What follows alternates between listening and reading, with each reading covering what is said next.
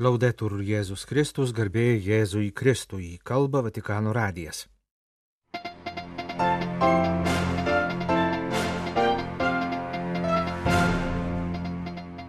Popiežius sekmadienio vidudienį švenčiausioji trejybė, kaip prie stalo susėdusi šeima. Popiežius dalyvavo laidoje Italijos televizijos studijoje. Praėjusią savaitę bažnyčios gyvenime Lietuvoje spaudos apžvalga. Pasibaigus Velykiniam liturginiam laikotarpiui, per kurį sekmadienio vidudieniais buvo kalbama Velykinė Regina Celį antifona, nuo šio sekmadienio švenčiausiosios trybės iškilmės vėl kalbama viešpaties angelo malda. Per tradicinį vidudienio maldos susitikimą popiežius komentavo sekmadienį švestos iškilmės Mišių Evangeliją, Jėzaus žodžius Nikodemui. Nikodemas buvo žydų tautos vyresniųjų tarybos narys. Jėzuje atpažinęs dievišką įmokytoją ir slapta nuo kitų atėjęs su juo pasikalbėti. Jėzus jį išklauso, supranta, kad jis yra ieškantis žmogus. Iš pradžių Jėzus nustebina Nikodemą, sakydamas, kad norint įeiti į Dievo karalystę, reikia gimti iš naujo. Paskui jis jam paaiškina Dievo slėpinio esmę. Dievas taip pamilo žmoniją, jog atsiuntė į pasaulį savo sūnų. Padre e figlio è un'immagine familiare che ci pensiamo scardina il nostro immaginario su Dio. Tėvas ir sūnus. Tai gerai pažįstamas įvaizdis, kalbėjo popiežius. Tačiau jei jį pritaikome Dievui, jis sujaukia mūsų įsivaizdavimą apie Dievą. Iš tiesų, juk žodį Dievas mes paprastai siejame su išskirtine, didinga ir mums neprieinama tikrove.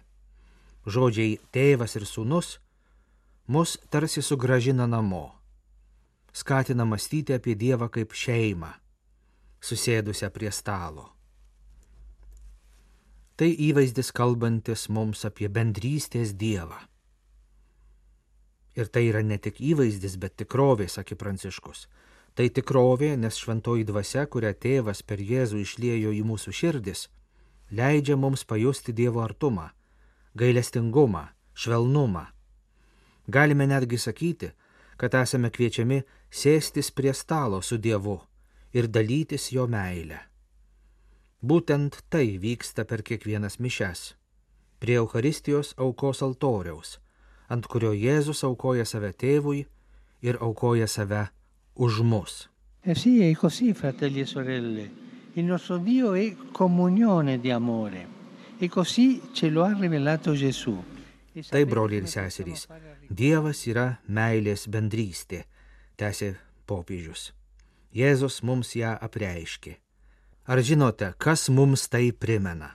Gesto più semplice che abbiamo imparato da bambini, il segno della croce. Paprasčiausias gestas, kurio išmokome dar vaikystėje - kryžiaus ženklas. Pasak Pranciškaus, kryžiaus ženklas kiekvieną kartą mums primena, kaip labai Dievas mus myli, o kartu jis mums kiekvieną kartą primena mūsų pareigą liudyti Dievo meilę, kurti bendrystę jo vardu.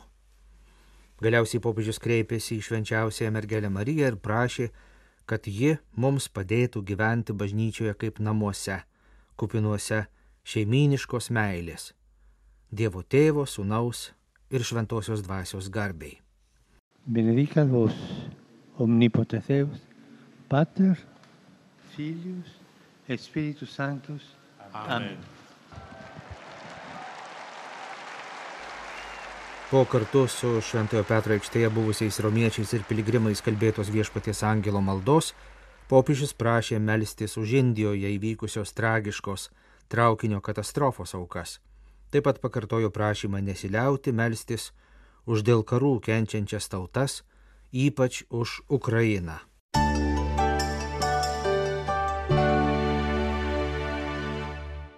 Sekmadienį prieš vidudienį Italijos viešojo transliuotojo televizijos pirmojo kanalo perduotoje kas savaitinėje religinėje laidoje dalyvavo popiežius Pranciškus.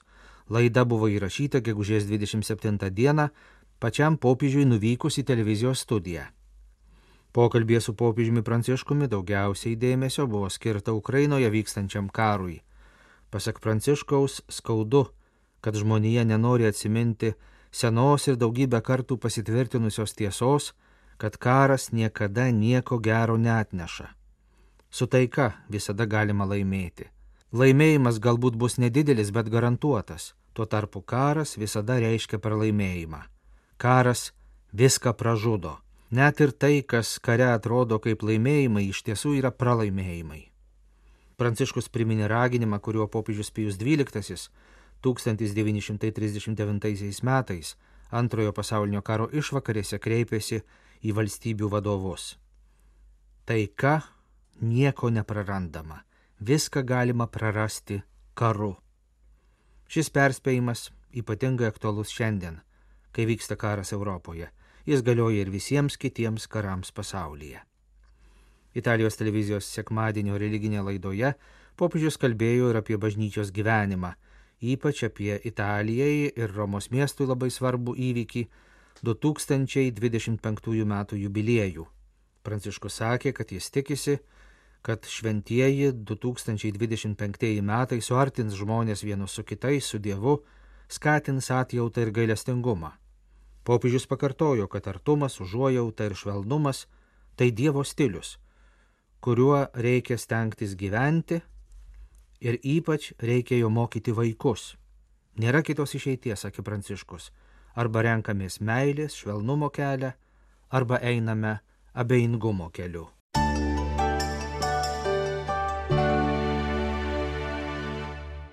Birželio pradžioje gerai žinomo Portugalijos miesto portų vyskupas pasidalijo silovadinę notą, kurioje kviečia palaipsniui už nugaros palikti vieno klebono vienai parapijai modelį ir pradėti dėkti kitokį silovadinių ekipų sudarytų iš dvasininkų, pasauliečių ir vienuolių modelį. Pasak Porto vyskupo Manuelio Lindos, toks perėjimas būtinas reaguojant į dvasininkų skaičiaus mažėjimą ir pasauliečių pašaukimų vertinimą. Dabartinė disproporcija tarp viskupijos dvasininkų skaičiaus ir krikščioniškųjų bendruomenių poreikių verčia mus numatyti laipsnišką pastoracinį pertvarkymą, kai tradicinį vieno parapijos kunigo kiekvienoje parapijoje principą, kurio jau dabar neįmanoma realizuoti pakeis dinamiškos ir daugialypės pastoracinės komandos. Rašoma notoje Pasak jos galbūt bus mažiau parapijų, tačiau daugiau gyvybingų bažnyčios lastelių, kurios augins tikinčiuosius. Portugalų vyskupas pabrėžia du svarbius ir tarpusavyje susijusius elementus. Viena tai popiežiaus pranciškaus priminimą įtvirtintą dokumentuose ir kanonų teisės straipsniuose, kad tarnystė bažnyčioje nėra vien ta, kuri perdodama šventimais. Iš akių dažnai išleidžiama, kad yra kitų tarnyščių, kurios nors gali būti įsteigtos specialiu aktu, kaip kad akulitų, lektorių ir katechetų tarnystės, bet savaime nėra susijusios su šventimais ir yra skirtos vyrams bei moteriams. Taip pat yra daugybė tarnyšių, kurios tikinčiųjų gali būti vykdomos be formalaus įsteigimo akto ten, kur gyvena ir dirba. Pavyzdžiui, krikščionių šeima gali draugiškai palidėti kitą šeimą atsidūrusią krizėje Antra, tai popiežiaus pranciškaus kvietimas eiti sinodiniu keliu visiems jaučiantis viena Dievo tauta, dalyjantis dovanomis bei atsakomybę, išplaukiančiomis iš krikšto ir šventosios dvasios veikimo. Pasak Porto vyskupo reikia melstį, kad viešpat siūstų darbininkų įpjūti, kad būtų kunigiškų pašaukimų bet taip pat reikia dėkoti viešpačiui, kad šventosios dvasios veikimu vyrus ir moteris, jaunus ir senus įkvepia dalyvauti daugybėje kitų tarnyščių, be minėtų katechetų, akulitų ir skaitovų, tai ir šlovintojai, chorų nariai, muzikantai, zakristijonai, komunijos dalintojai, ligonių lankytojai, karitas ir kitų artimo meilės draugijų savanoriai, visur padedantis parapijų aktyvistai, vienuolinių šeimų tretininkai. Portugalų vyskupas įsitikinęs, kad tarp daugybės šitaip tarnaujančių brolių ir seserų natūraliai atsiras arba natūraliai bendruomenės bus pasiūlyti tie, kurie bus pasiryžę labiau įsipareigojančių ir nuolatiniu būdu prisimti atsakomybę, veikdami iš vien su kitais, dvasininkais ir pasauliečiais. Portugalijos miesto Porto vyskupo notoje nurodomos kelios praktinės nuorodos. Kandidatai turi raštu išreikšti ir patvirtinti savo ketinimus tarnauti bažnyčiai, turi būti pristatyti parapijos bendruomeniai, būti bent 25 metų amžiaus ir pageidautina įgyja akademinį, profesinį ir šeimininį stabilumą. Biskupijos centrai ir institutai pasirūpins būtina teologinė, liturginė silovadinė ir kultūrinė formacija. Porto vyskupas Manuelis Linda jau paskyrė atsakinguosius, kurie rūpinsis tokių kandidatų paieška.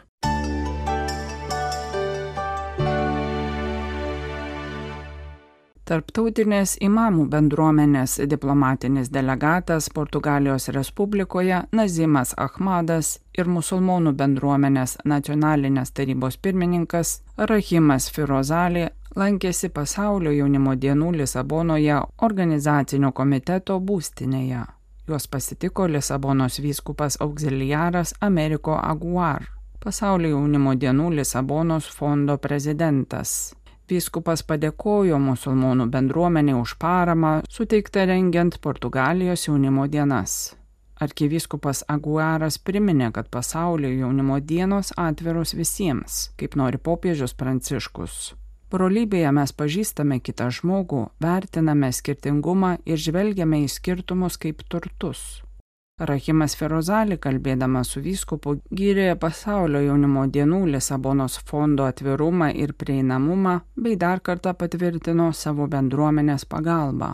Apsilankimo metu musulmonų atstovai galėjo susitikti su visais fondo padalinių darbuotojais, savanoriais ir bendradarbiais. Šiam susitikimui atminti buvo atidengta atminimo lenta.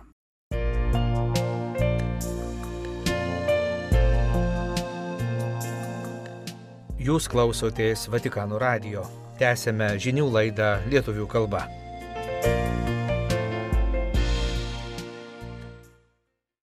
Praėjusią savaitę bažnyčios gyvenime Lietuvoje Kastanto Lukėno parengta spaudos apžvalga.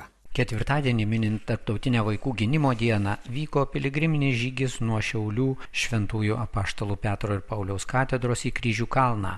Šiuo žygiu paminėta 50 metų sukaktis nuo tada, kai Dievo tarno Mečislovo Jurevičiaus vadovaujami būrelis KGB saugumiečių nepabijojusių žmonių vėlų vakarą nunešė ir pastatė kryžių ant anuomet sovietinių aktyvistų nuniokoto ir tuščio kryžių kalno. Birželio pirmąją Telšių viskupijoje minėta dangiškojo globėjo šventojo Justino šventė. Mišių metu nuolatinių diakonų buvo pašventintas Arūnas Raudonius. Naujasis diakonas už žmoną Lina turi turi keturis vaikus, jis aktyviai dalyvauja evangelizacinėje veikloje, priklauso Pranciškonų pasauliečių ordinui, yra gesmių autorius ir atlikėjas. Vyskupas įteikė naujai pašventintam diakonui paskyrimą tarnystėj į Mažiekių Šventojo Pranciškaus Asižiečio parapiją. Prieš 35 metus, artėjant atgimimo virsmui, Lietuva iš Vatikano pasiekė ypatinga žinia.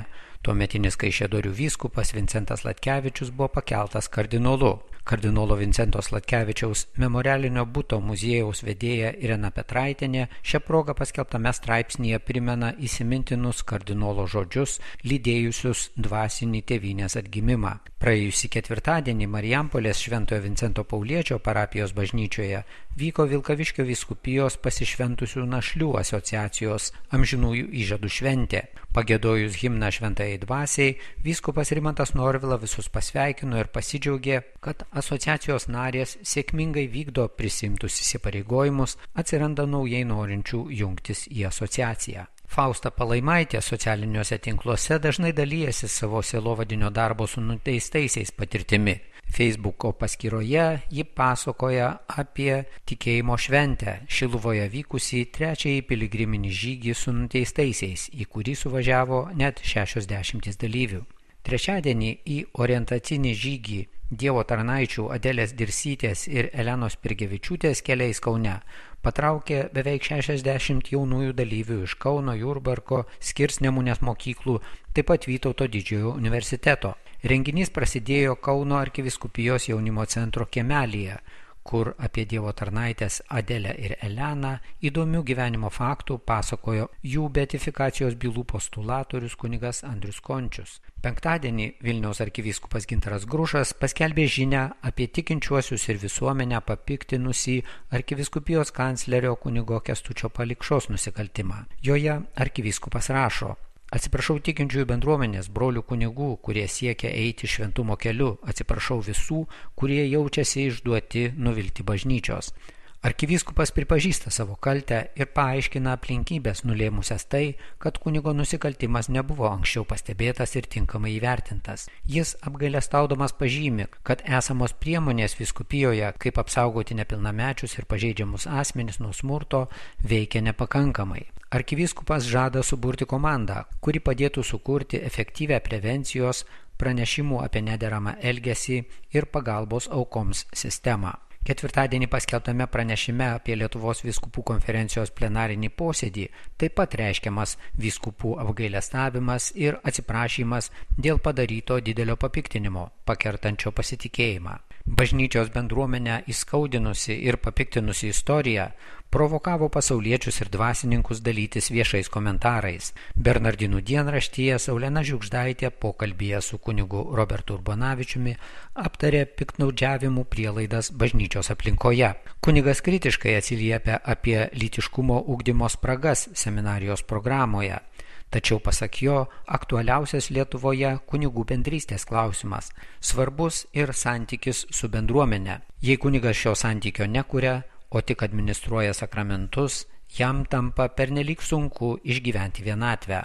Apie kunigams tenkančius iššūkius Bernardinų dienraštyje rašė ir priekulės parapijos klebonas kanauningas Viktoras Ačas straipsnėje ir kunigas gali padaryti sunkių nuodėmių. Bernardinų dienraštyje taip pat paskelbtas straipsnis tikinčiųjų reakcija į bažnyčios skandalą. Jo antraštėje apibendrinama išvada – būtinas nepriklausomas ir išsamus tyrimas. Taip teigia ir viena iš straipsnėje savo nuomonę pareiškusiųjų Marijos dangų nėmimo kongregacijos sesuo, Europos provincijos vyresnioji sesuo Danguolė Gervytė.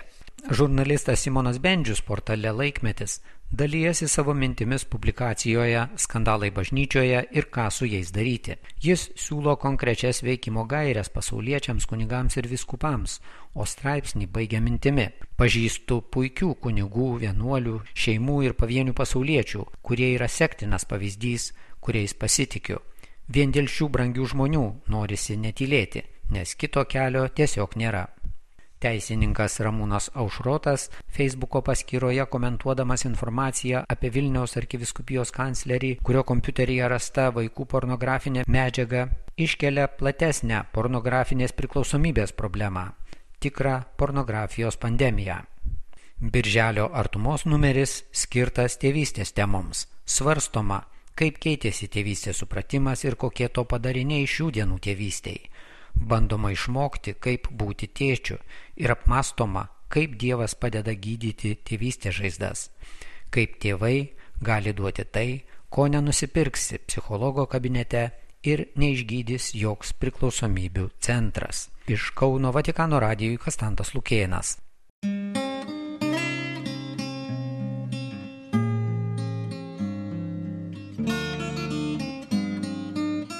Kalba Vatikano radijas. Laidą lietuvių kalba baigėme. Garbėjai Jėzui Kristui, laudetur Jėzus Kristus.